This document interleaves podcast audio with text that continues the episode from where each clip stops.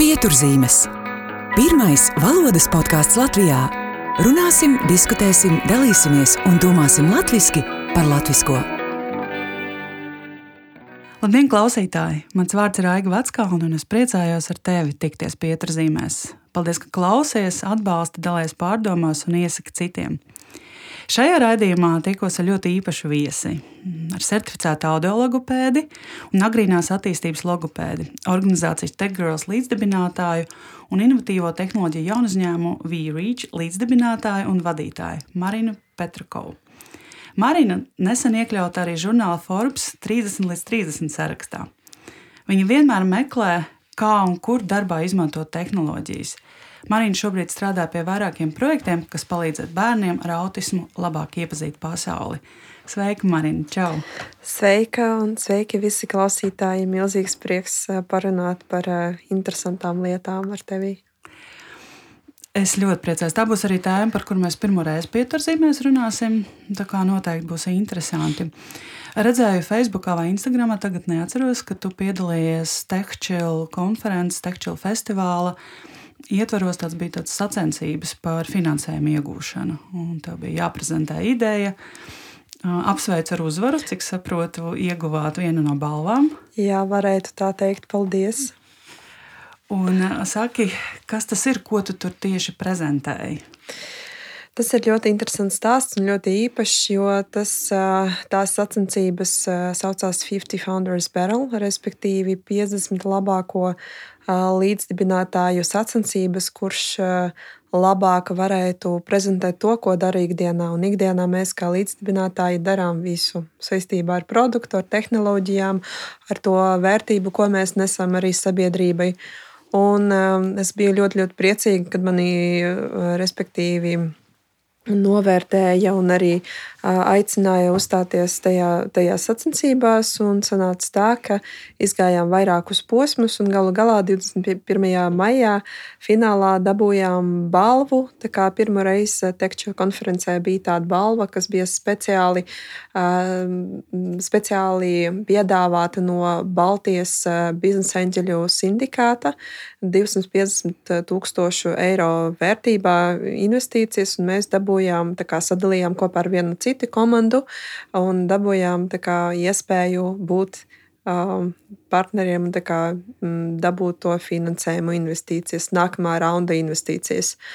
Um, Tā nav prezentācija, tā arī nav gluži kā prezentācija cilvēkiem, kuriem strādā tehnoloģijās. Tas ir droši vien kaut kāds tāds manifests par to, ko tu dari dzīvē un kāpēc tas ir nepieciešams ne tikai tavai mērķa auditorijai, bet arī būtībā tas. Uh, tam ir jābūt kaut kur tieši sirdī arī citiem cilvēkiem, kuri varbūt vispār nav saistīti ar šo nozari. Tā nozare, kuras darbojos un to, ko es arī prezentēju, ir mans kopā veidots ar kolēģiem jaunu uzņēmums, tehnoloģiskais jaunu uzņēmums, kas saucās VReach. Tas, ko mēs darām, mēs ļoti izceļam tādu jēdzienu kā digitālā veselība ar datiem, ar customizētu pieeju mūsu pacientiem.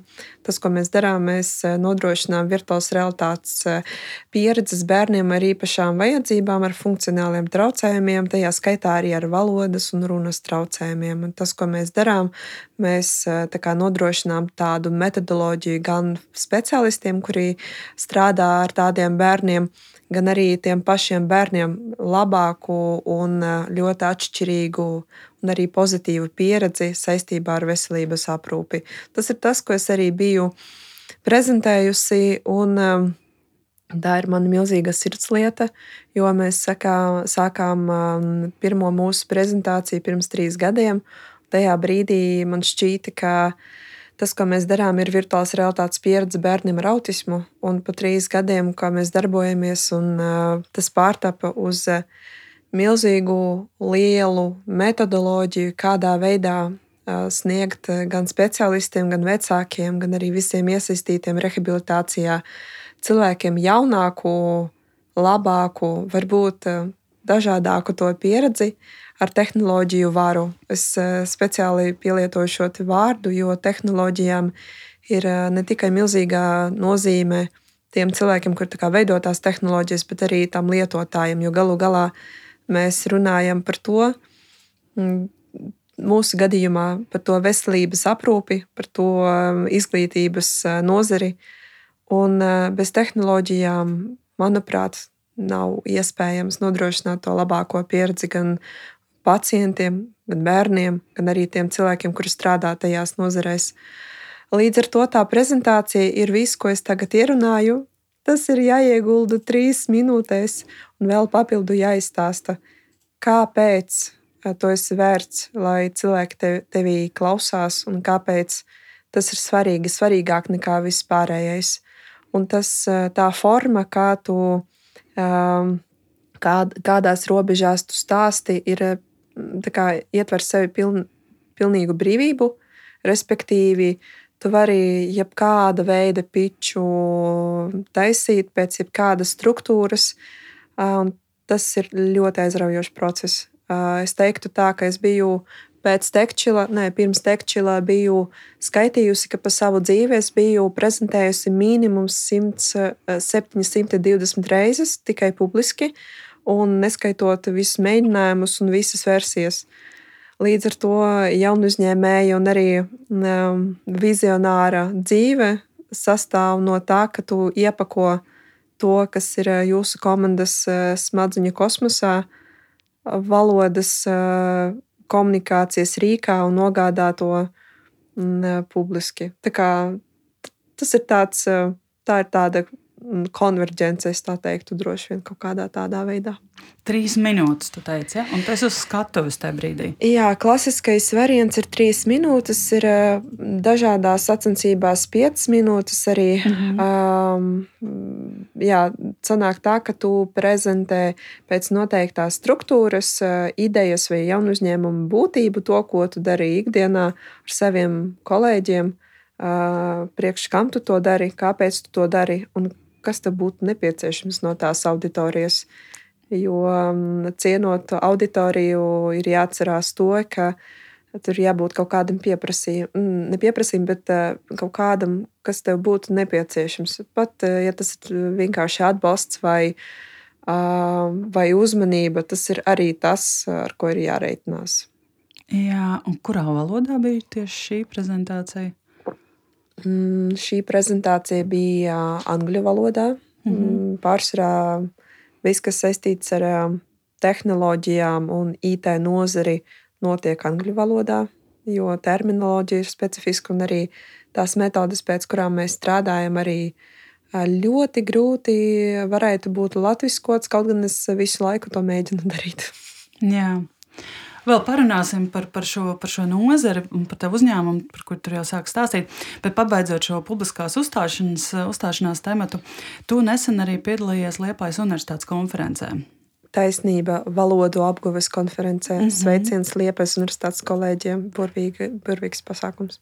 Kas tev rosināja piedalīties zinātniskā konferencē? Vai tā bija pirmā pieredze? Mm, es neteiktu, ka tā ir mana pirmā pieredze. Godīgi sakot, tajā brīdī, kad mācījos augstskolā, es esmu absolvējusi Rīgas Stradiņu universitāti un arī Liepājas universitātī, bet um, ar tādu nelielu programmu.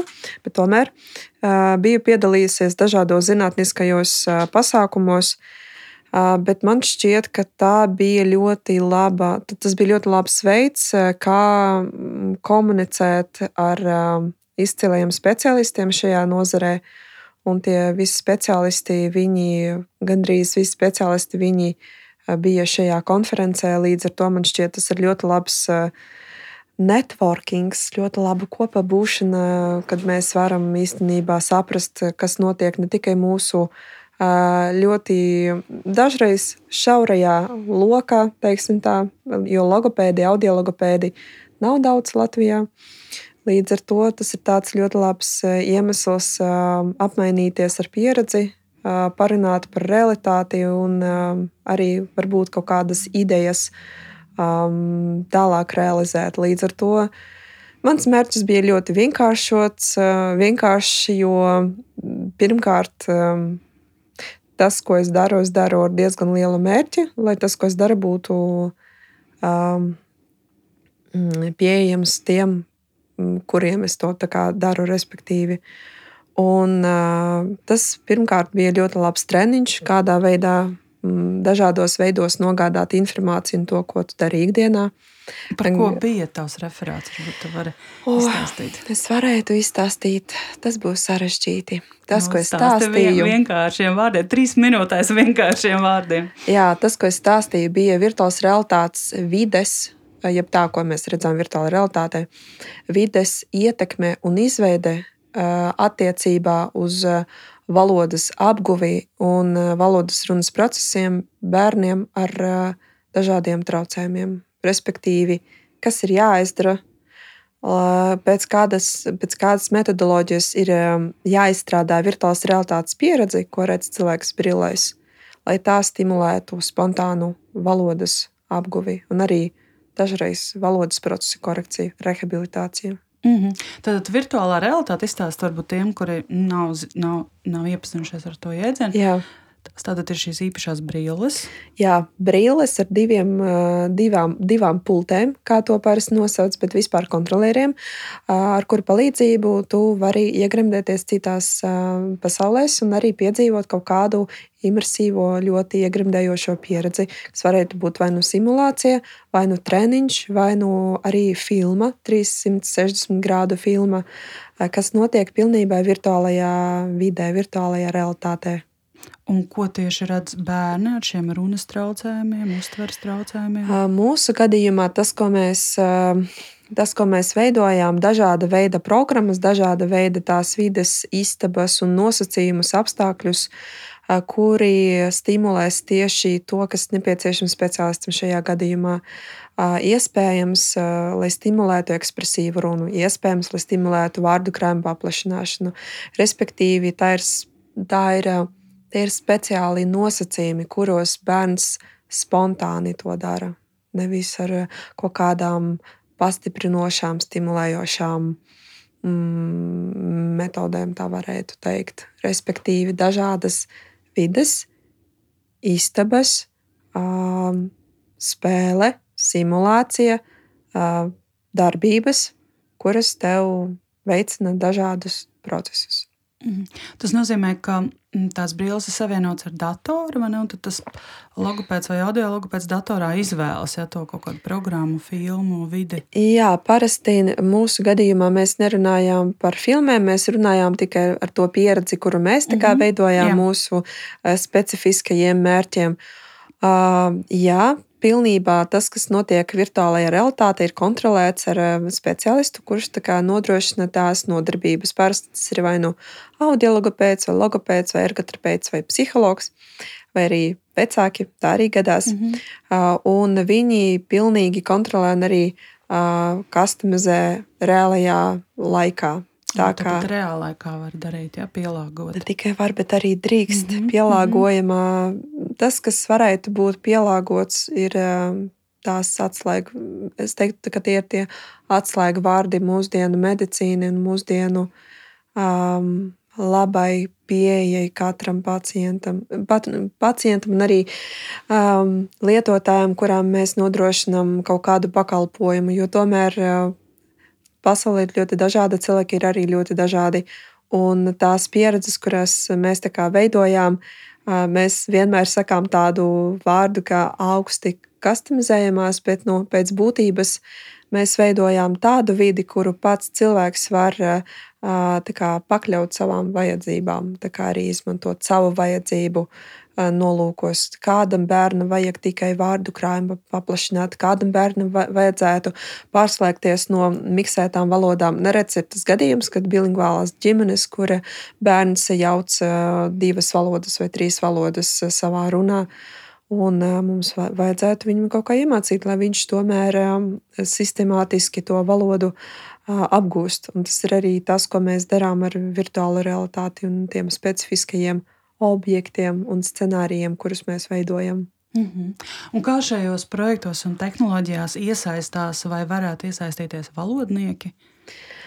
Tas ir ļoti labs jautājums. Um, godīgi sakot, uh, godīgi sakot, pirmkārt, viss, kas saistīts ar rehabilitāciju it īpaši ar valodu rehabilitāciju. Tur pietrūks tikai kliniskās zināšanas, tur pietrūks tikai uh, anatomija vai fizioloģija vai arī um, psihoneirolingvistika. Tur ir nepieciešams daudzveidīgs darbs, kuru procesā tiek ražots produkts, kas atbilst arī tiem um, sarežģītajiem gadījumiem, jo nevienmēr mums ir tie bērni, kuriem ir tikai runas traucējumi vai tikai komunikācijas. Ļoti bieži tur ir jāveic padziļinātā izpēte, uh, kurai mm, vajadzīga nu, tā multidisciplinārā pieeja, es tā teiktu. Mhm. Līdz ar to, jo vairāk speciālisti zina, un arī valodnieki zina par to, kādas tehnoloģijas ir, jo vairāk mēs varam sagaidīt uh, tos speciālistus, kuri pat paši ražo, tehno, neražo, bet gan veido tās tehnoloģijas. Uh, it īpaši ņemot vērā to, ka šī tehnoloģija tomēr šobrīd nav katrā mājā, bet uh, tā ir mūsu nākotne. Un vēl varbūt viens no maniem mērķiem ir padarīt to tehnoloģiju par vairāk praktiski pielietotu un arī pieejamu, iztaustamu. Tā kā viena lieta, kad mēs varam par to runāt, un otra lieta, kad es skatos, es izmēģinu, domāju, kā es varētu to izmantot savā pētnieciskā darbā, savā ikdienā, savā darbā. Un tas ir tas, kas, kas ir mūsu tagad, mana tagadne, un ceru, ka arī mūsu nākotne. Jā, noteikti.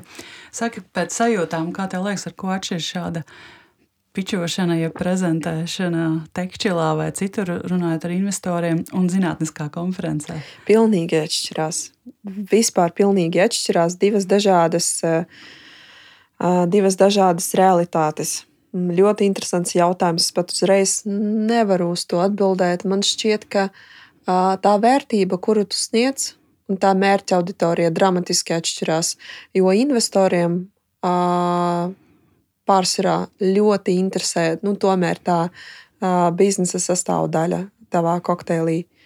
Um, speciālistiem un arī valodniekiem vairāk interesē, kā tas strādā, kuros brīžos tas nestrādā un kas ir tas, kā es varētu to pielietot savā. Un vispār, kāpēc mēs par to runājam? Kāpēc mēs nerunājam par sensoriem, bet runājam tieši par virtuālu realitāti? Respektīvi, jā, tas dramatiski atšķirās, un arī tas zinātniskais pamatojums.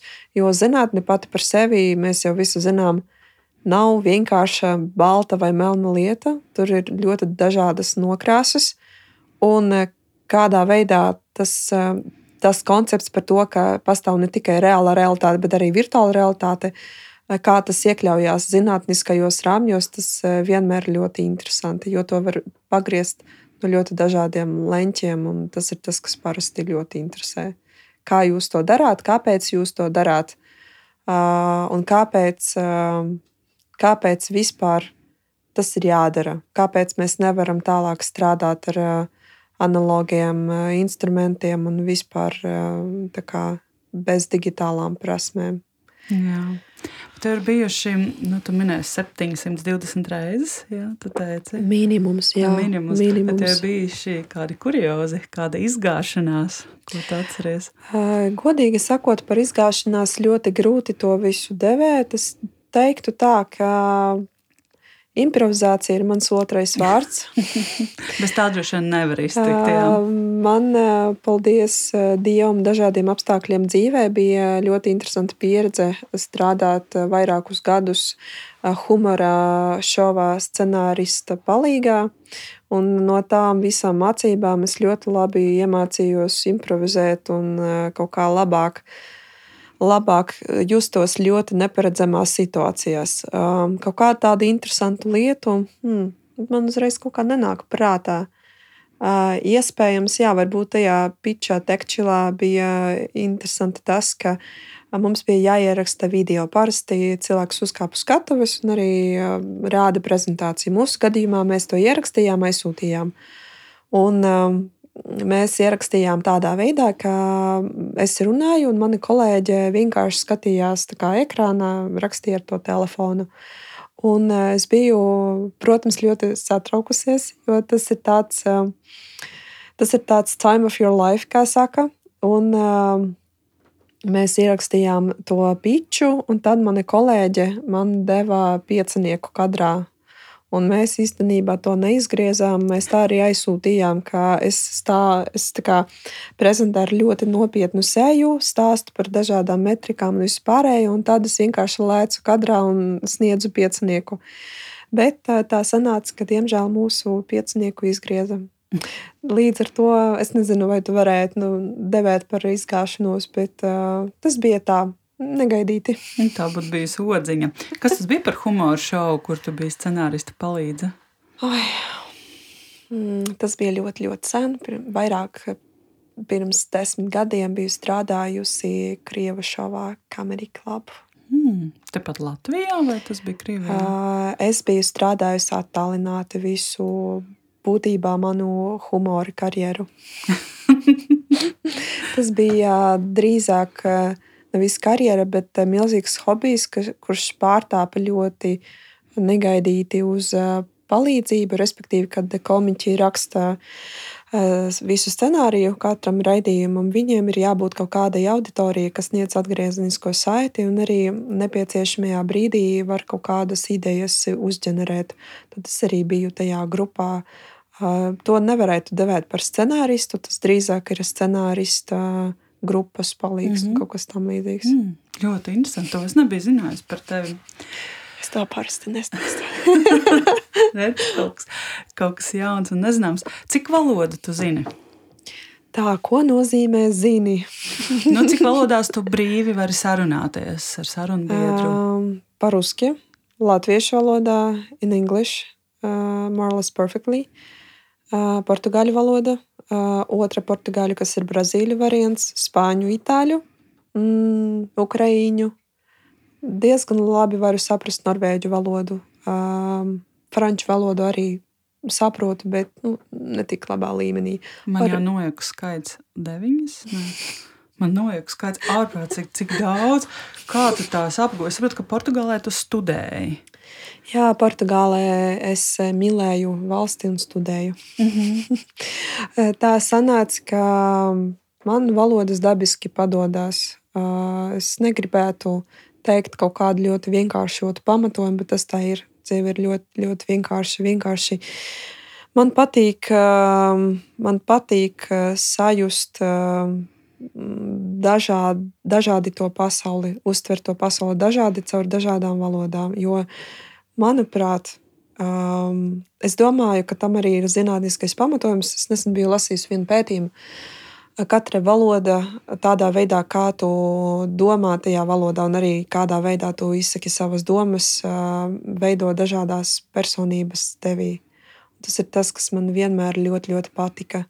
Kā tā valoda ļoti labi ne tikai tas vārdu krājums, ne tikai tas um, teikuma veidošanas process, bet arī viss pārējie procesi, kas ir iesaistīti, veido tavu arī domāšanu, tavu daudzveidību un tavu redzesloku. Līdz ar to es nekad nebiju kursos, nekādos. Es visu, ko zinu, izmācījos pati.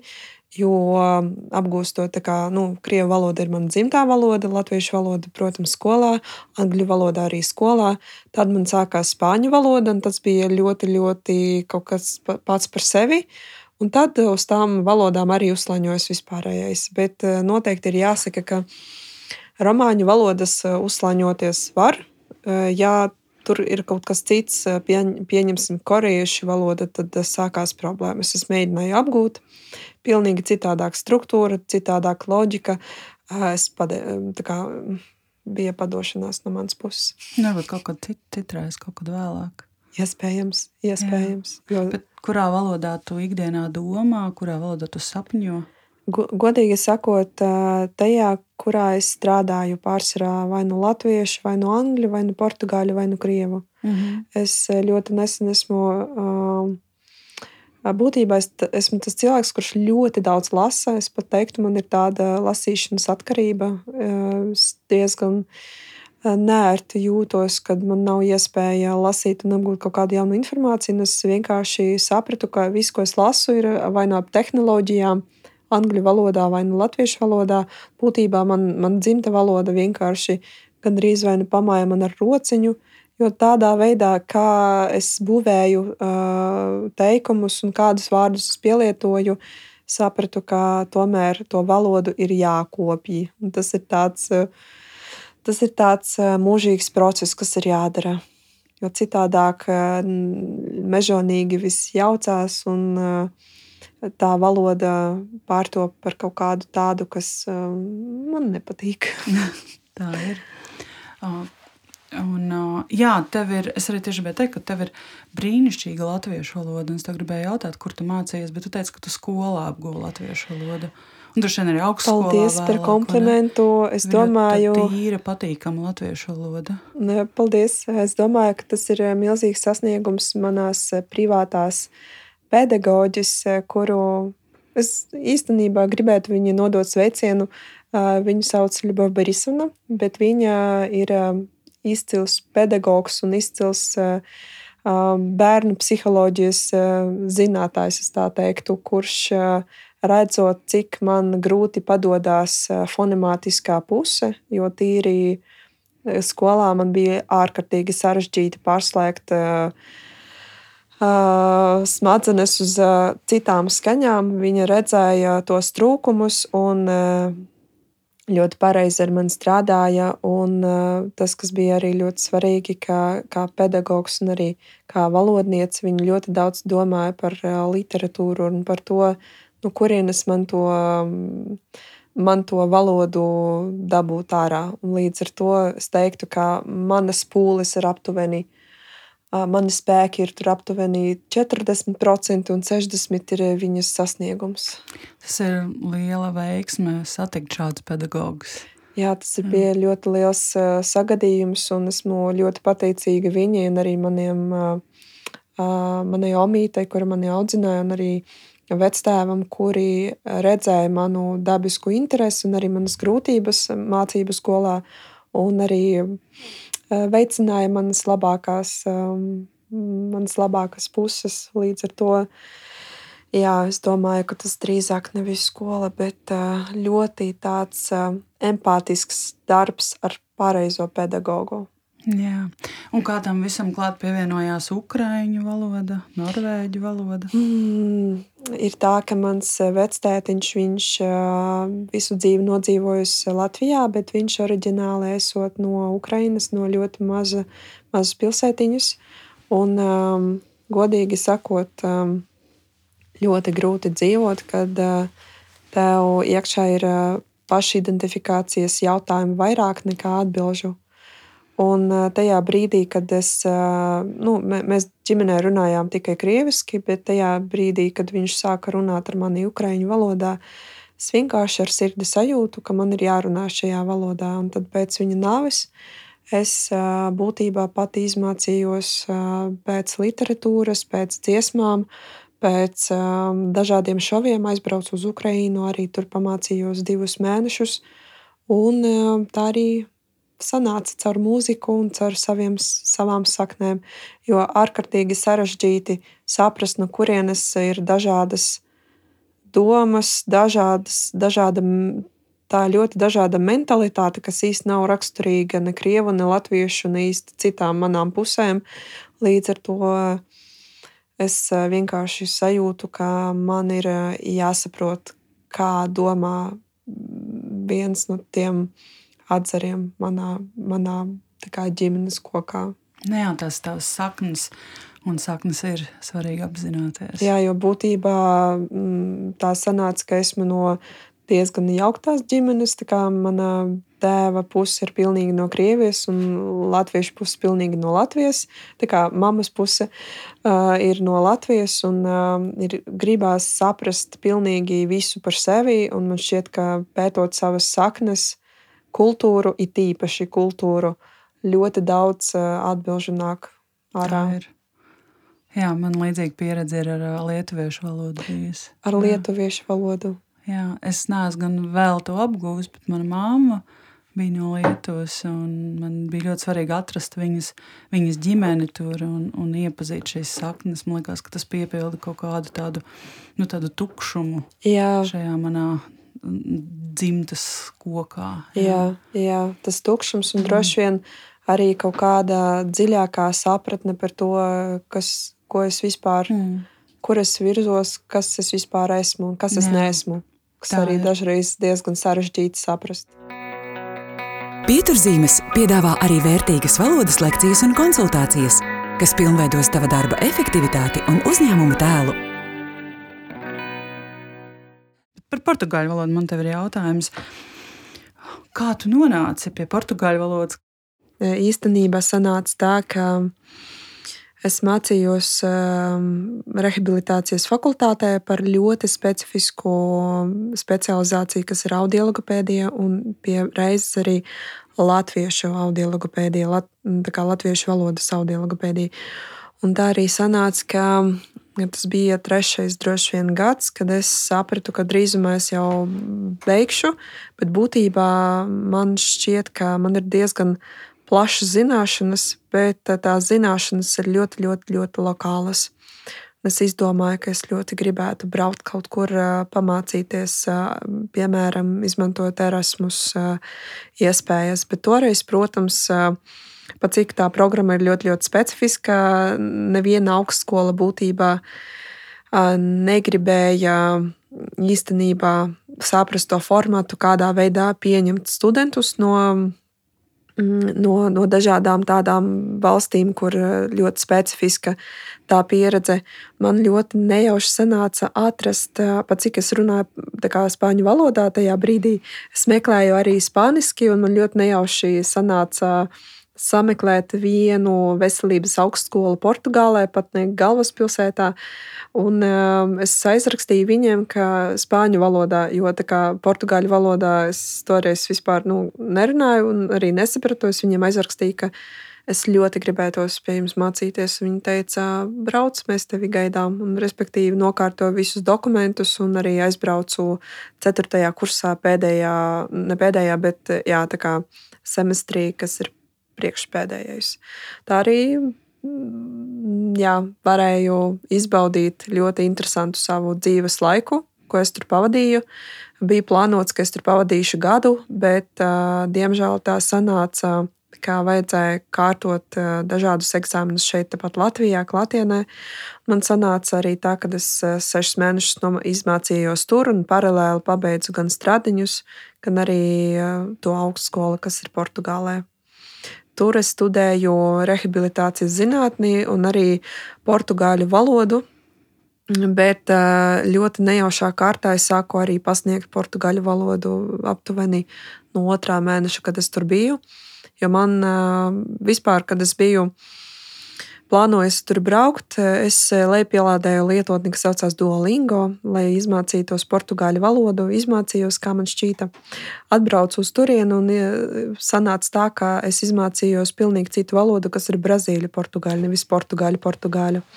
Lai varētu just to atšķirību, nu, piemēram, pat vārdu krājumā, tā kā mm, brūns manā portugāļu valodā ir kštanu, bet portugāļu, brazīļu, mahonu.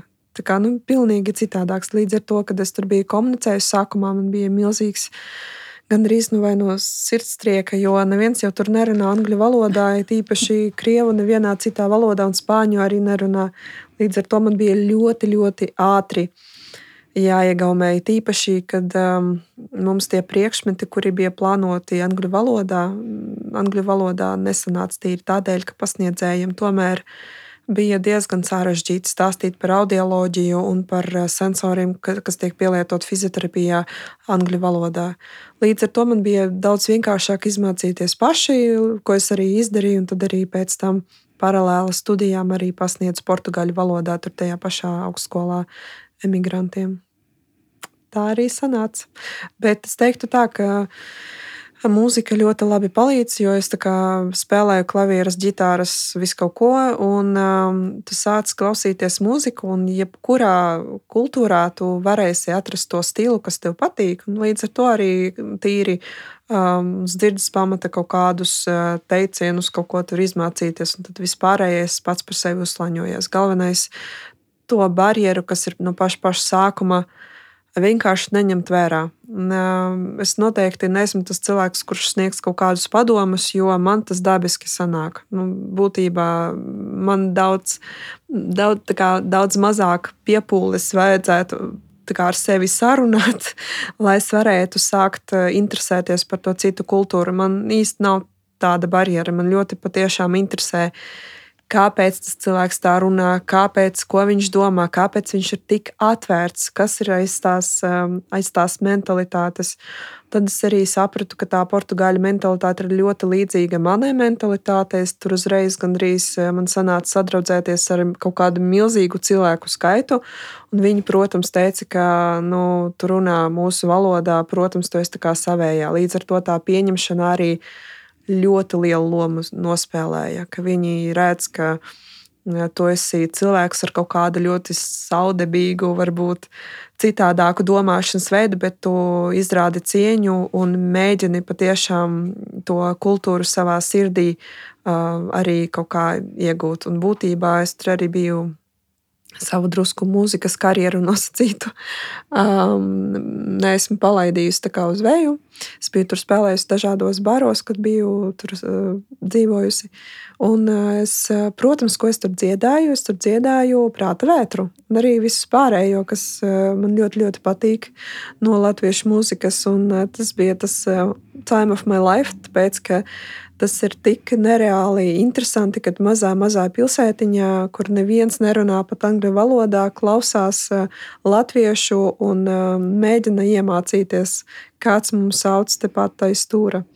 Tā kā tas ir tas, eh, kā es arī mēģināju apmainīties ar tām kultūrām, kā iepazīstināt ar latviešu un arī iepazīstināties ar to, ko man piedāvā mana dzīves pieredze. Mm, tiešām brīnišķīgs stāsts. Ļoti, ļoti skaists stāsts. Kas ir tādas būtiskākās starpkultūra atšķirības, ko tu piedzīvoji? Es saprotu, ka tu sajūties, nu, ka tas ir ļoti tuvu tavai mentalitātei, bet bija, varbūt arī bija kāds tāds atšķirības, kas tevi pārsteidz, tur atbraucot, tur dzīvojot. Mm, gadījums. Es tur atbraucu, atlidoju, un man bija nākamajā dienā jāsākās lekcijām.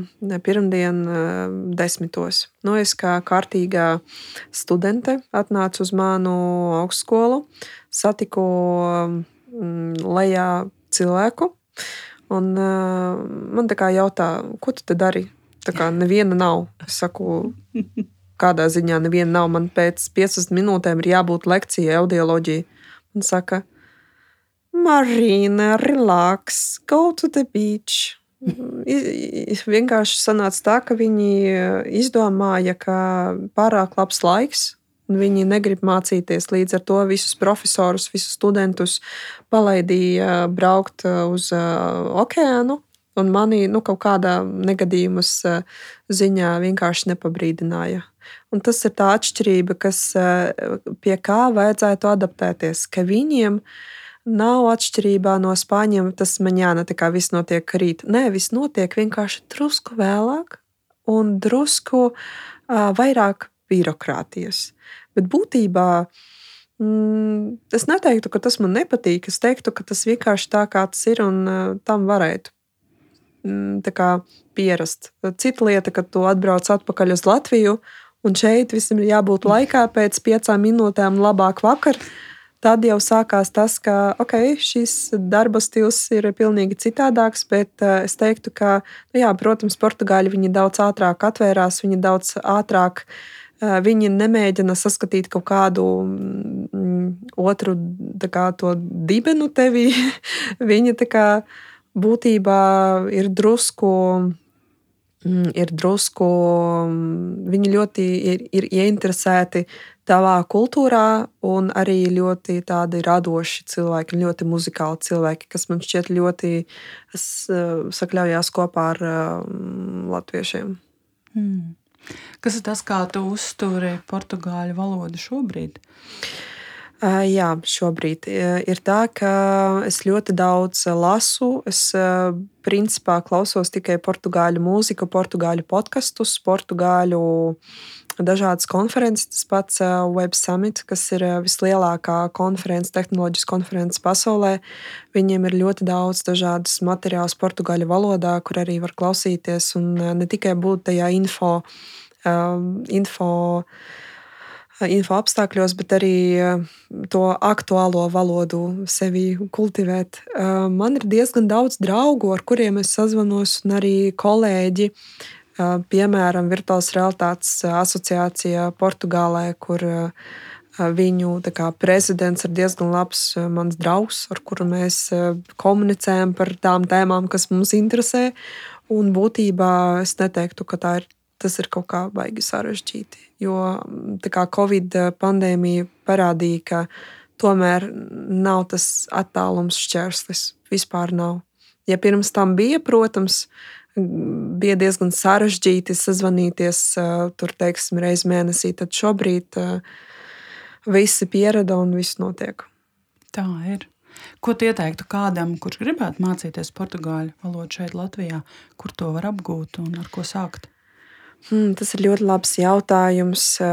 Īstenībā portugāļu, brazīļu valodu iespējams apgūt Latvijas universitātē, kā fakultatīvu, teiksim, tā priekšmetu, kur pasniedz burvīgā brazīliete ar latviešu saknēm. Laini, es tevi sveicu.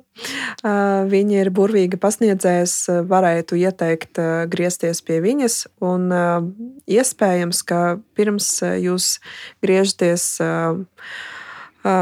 izskatāt iespēju piedalīties kursos, vai no nu arī kaut kādās programmās, pamācīties pašam. Tas ir iespējams tiešsaistē. Ir tāda mājaslapa, kas saucas learnportuguese.com, kur iespējams apgūt visu A1, A2 valodu tiešsaistē. Es teiktu, ka tas ir visātrākais, vislabākais, lai saprastu, vispār man tas process aizies vai nevajag tērēt uz to ne laiku, ne iespējams naudu.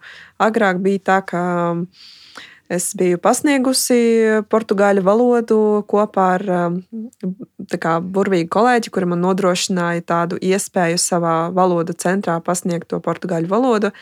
Bet tad uh, es uh, pēc kāda laika nopietni pārgāju uz jaunu uzņēmumu to nozari, un tad arī pārstāju pasniegt. Bet es varētu pateikt, ka iespējams kādreiz arī būs kurs. Šobrīd, diemžēl, nav. Hmm. Parunājām par šo audio logopēdiju. Mēs tik bieži jau šo vārdu pieminējām. Um, ar, ko dara audio logopēds un ar ko tas atšķiras no logopēda? Audio logopēds uh, dara visu, kas saistīts ar uh, diagnostiku un terapiju saistībā ar runu, valodu, komunikāciju, rīšanu, dzirdes traucējumiem. Uh, viņš skatās uz uh, Viņš strādā gan ar bērniem, gan ar pieaugušajiem no 0 līdz 100 kādiem gadiem. Pārsvarā viņš skatās uz cilvēku kā uz anatomisku, fizioloģisku tādu kopu, kuru var, kurai var palīdzēt ar rehabilitācijas, pēc rehabilitācijas principiem, respektīvi, tas diezgan atšķirās no pedagoģiskā, pedagoģiskās tāda skatu punkta, ar kuru parasti manipulē logopēdi. Līdz ar to, ja mēs ļoti vienkāršojam šo stāstu, logopēdi viņi drīzāk ir strādā izglītības, speciālas izglītības un arī um, drīzāk nu jā, pedagoģijas plaknēs. Audiologopēds viņš mēdz strādāt gan klīniskajā, gan arī pedagoģiskajā lauciņā. Mm. Līdz ar to ja mēs eh, varētu kaut kādu analoģiju mm, piedāvāt, tas būtu tas, ka droši vien audiologopēds, kad viņš gribētu uztaisīt kūku, Viņš skatās, kas ir nepieciešams priekškūkai, vai ir nepieciešams piens, kas tur ar tām var būt olām, un varbūt iespējams, ka kao pulverītes arī vajadzētu tur pielikt klāt. Un tad, ja kūka tomēr nav sanākusi, viņš skatās pa tām daļām, kas tur tieši nestrādā pēc funkcionalitātes, un mēģina tās funkcionalitātes salabot. Logopēds, kad viņam ir nepieciešams uztaisīt kūku, viņš paņem ingredientus, viņš samaisa tos ingredientus, un viņš skatās, kas sanāks. Būtībā, ja kaut kas nesanāca, viņš mēģina iemācīt tās visas sastāvdaļas, kas ir jādara, lai tomēr tas viss strādātu. Tā kā iespējams, ka logopēdi kolēģi man nepiekritīs, tas arī varētu būt iespējams. Es labprāt par to ļoti labprāt padiskutētu. Bet manā skatījumā, pēc manas pieredzes, mēs drīzāk esam tādi cilvēki, kuri roka tajā funkcionalitātē, respektīvi, kā mūsu ķermenis funkcionē. Logopēdi viņi drīzāk apmāca tās funkcionalitātes. Mm -hmm. Manuprāt, ļoti labs skaidrojums. Nu, ja gadījumā kāds nepiekrīt, tad var uzsākt diskusiju mūsu sociālajos tīklos. Jā, droši, ja jums būs iespēja rakstīt zinātnisku pētījumu par eh, kūku analoģiju, logopēda, audiologopēda attiecībās, es eh, labprāt pieteiktos šai teorijai. Tu joprojām strādā arī, vai ne? Tu pieņem pacientus joprojām. Tas ir ļoti interesants stāsts, jo oficiāli, nu, kā oficiāli, būtiski, kā certificēta audiologopēda, es pārsvarā tikai konsultēju. Respektīvi, es varētu veikt kaut kādu virspusēju diagnostiku, skrīningu, varētu ieteikt kaut ko saistībā ar rehabilitāciju, bet pārsvarā es nepraktizēju tādēļ, ka visi mani spēki, viss, ar ko es nodarbojos saistībā ar audiologopēdiju, ir jaunu uzņēmumu produkta iekšā. Jo tas, ko mēs darām, ir balstīts tomēr tas produkts, ko mēs nosacīti veidojām, ražojām, ir saistīts ar audiologopēdu tiešo saisti. Līdz ar to es drīzāk esmu šobrīd audiologopēda prakses produkta pētniece un, un izstrādātāja, nevis, nevis vienkārši audiologopēds, kurš praktizē. Mm -hmm. Bet tāpat varbūt tu varētu nu, kādu varbūt, sanāku gadījumu. Jā. Nu, ieskatīties aizkulisēs, nu, neminot, protams, vārdus un Jā. konkrētiku. Jā. Pastāstīt nu, kādu problēmu, Jā. kuru tu esi risinājusi, piemēram, kā tu to darīji. Labi, es domāju, ka šeit būtu jēdzīgi izstāstīt kaut kādu praktisku gadījumu. Pie manis vēršās raksta sociālajos tīklos mamma, kura saka, ka Marīna, es redzēju, man paziņā pie jums bijusi, gribētu patrenēt skaņu Z. Saku, ļoti interesanti skaņa Z. Kāpēc? Nu, S, kāpēc tieši Z? Nu, viņam, manam puisītim, viņam septiņi gadi. Viņš būtībā visu izrunā, ko, ko vajadzētu. Bet viņam zaskaņa nav kaut kā tāda baigi dabiska, kaut kāda ļoti jocīga. Un uh, mums ir nepieciešams logopēds. Saku, labi, man vajadzētu pirmkārt viņu um, veikt kaut kādu diagnostiku, lai saprastu, vai patiešām tā problēma ir tajā skaņā Z. Un tad, kas notiek? Viņi atnākuši pie manis uz konsultāciju, mēs arī pastrādājām nu, kaut kādas trīs, četras reizes, veicām to diagnostiku. Un tas, kas atklājās, ka bērns ir uh, neverbāls, Bērns ir nerunājošs, bērnam ir autiskais spektrs, un viņš vispār runu neizmanto kā komunikācijas līdzekli. Un tas, kā viņš komunicē, viņš skatījās multines, kur bija sunītis, kurš, kad guļ, iz, kā, izsniedz skaņu z. Viņš ir iemācījis, ka tā skaņa ir kaut kas, kas ļoti jauki ir producējams ar lūpām, un viņam vienkārši patīk producēt to skaņu tad arī izrādījās, ka tas, ar ko man ir jāstrādā, ar tām autiskā spektra simptomu, ar to klāstu, ar to vispār um, verbalizāciju, ar to valodu, ar to runu un ar to vispār, um, kādā veidā vecāki saprot, kas patiešām notiek. Un būtībā septiņu gadu vecumā uh, mēs jau varam domāt par to, ka bērns, kom, bērnam kaut kā ir jākomunicē, kaut kā jānodod tā ziņa, ko viņš vēlās. Un ar kartiņām vai kaut kādām tādām lietām mēs nevarēsim ļoti ilgi dzīvoties. Līdz ar to mums ir jāizdomā kaut kas. Man, kā Sherlockam Holmesam, ir jāizdomā kaut kas, kas viņu stimulētu tomēr pamainīt uh, to stereotipu un komunicēt ar kaut kādām konkrētām mm, skaņām, kas varētu būt arī tie vārdi, tie apzīmējumi. Un tas ir tas, kas ir mans uzdevums. Līdz ar to es teiktu, ka mans audiologopēda darbs drīzāk ir tāds Sherlock Holmes darbs, kad tev vajag um, paras, um, pareizi saprast bērna funkcionālo stāvokli, vecāku stāvokli, uh, empātiski pieiet šim procesam, arī nodrošināt visātrāku tādu palīdzību, lai tas arī būtu uh, pārskatāmi un caurspīdīgi. Un eh, manā gadījumā bez tehnoloģijām tas, nu, es teiktu, gandrīz nav iespējams. Jo tomēr mēs dzīvojam šobrīd eh, ļoti digitālajā laikmetā, un bērniem pats par sevi dabiski ļoti interesē izzināt sevi un attīstīt sevi caur to, kas viņiem dabiski interesē. Ja, piemēram, mm, mamma ļoti aktīvi darbojās ar savu telefonu un uh, arī dot paspēlēt tam bērnam, tad kāpēc mums ne, neizmantot to spēli, lai attīstītu to, ko, kas nepieciešams man kā speciālistam? Tā kā es teiktu, ka mm, tehnoloģijas ir ļoti labs uh, instruments, lai sniegtu to, kas ir nepieciešams bērnu interesēs. Tā kā tas ir arī tas, ko es daru. Jā, tas ir brīnišķīgi. Man tāds prieks, tas, kā tu saki, ka mēs pamazām pārējām no tā analogā uh, uz šo tehnoloģiju izmantošanu un šādā veidā pātrinot iespējams un uzlabojot šo procesu. Pajautāšu droši vien jautājumu, kas tāds profāns jautājums, bet nu, man kā nespeciālistam cerams piedodams. Vai ir piemēram kāds reģionāls runas atšķirības, dikcijas atšķirības traucējumi, piemēram, kas izteikti nezinu, Latvijas iedzīvotājiem, piemēram? Tas ir ļoti interesants jautājums, ņemot vērā, ka es profesionāli praktizēju tikai un vienīgi Latvijā, Portugālē un ļoti, ļoti nedaudz pasniedzu Krievijā. Tas ir ļoti interesants jautājums. Es teiktu, ka mm, drīzāk mm, strādājot ar latviešu bērniem, ar bērniem Latvijā, drīzāk ir gandrīz vienmēr jāstrādā uz sociālo tā saucamo interakciju, uz to komunikāciju, kas būtībā mm, nav ne labi, ne slikti. Vienkārši tā ir tā būtība.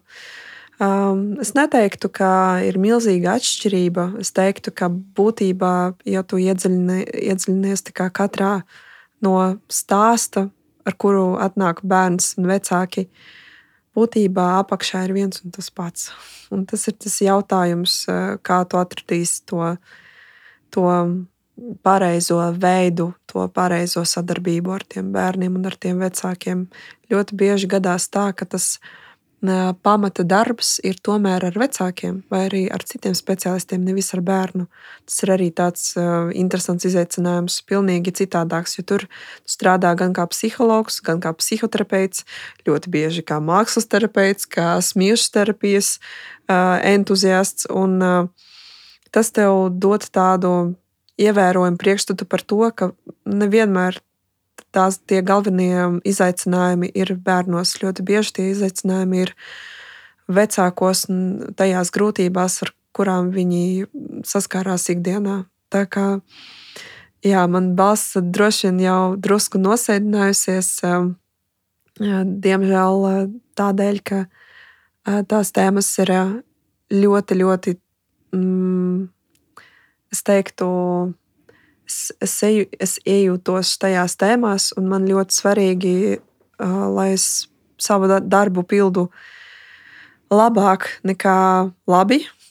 Un arī palīdzu ar savu piemēru radīt kaut kādas jaunas pārmaiņas arī citu cilvēku, uh, it īpaši veselības aprūpes speciālistu um, tajā info platformā, kur mēs visi esam.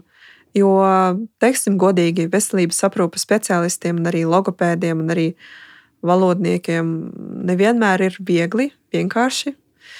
Un es domāju, ka kolēģiāls tāds atbalsts ir eh, tas, kas eh, nevienam netraucē. Jā, paldies, Marina. Paldies, ka piekriti sarunai.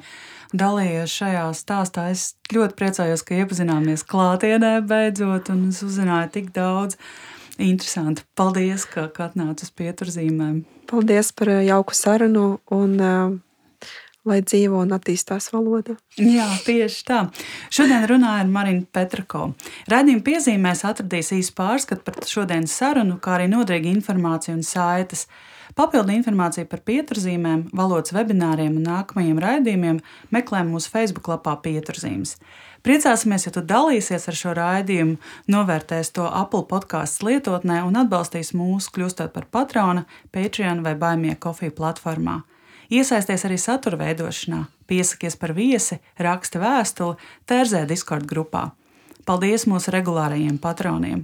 Paldies, ka klausījāties un uz tikšanos nākamajās pieturzīmēs! Pieturzīmes cilvēkos, grāmatās un valodā. Kādas ir tavas Latvijas pieturzīmes?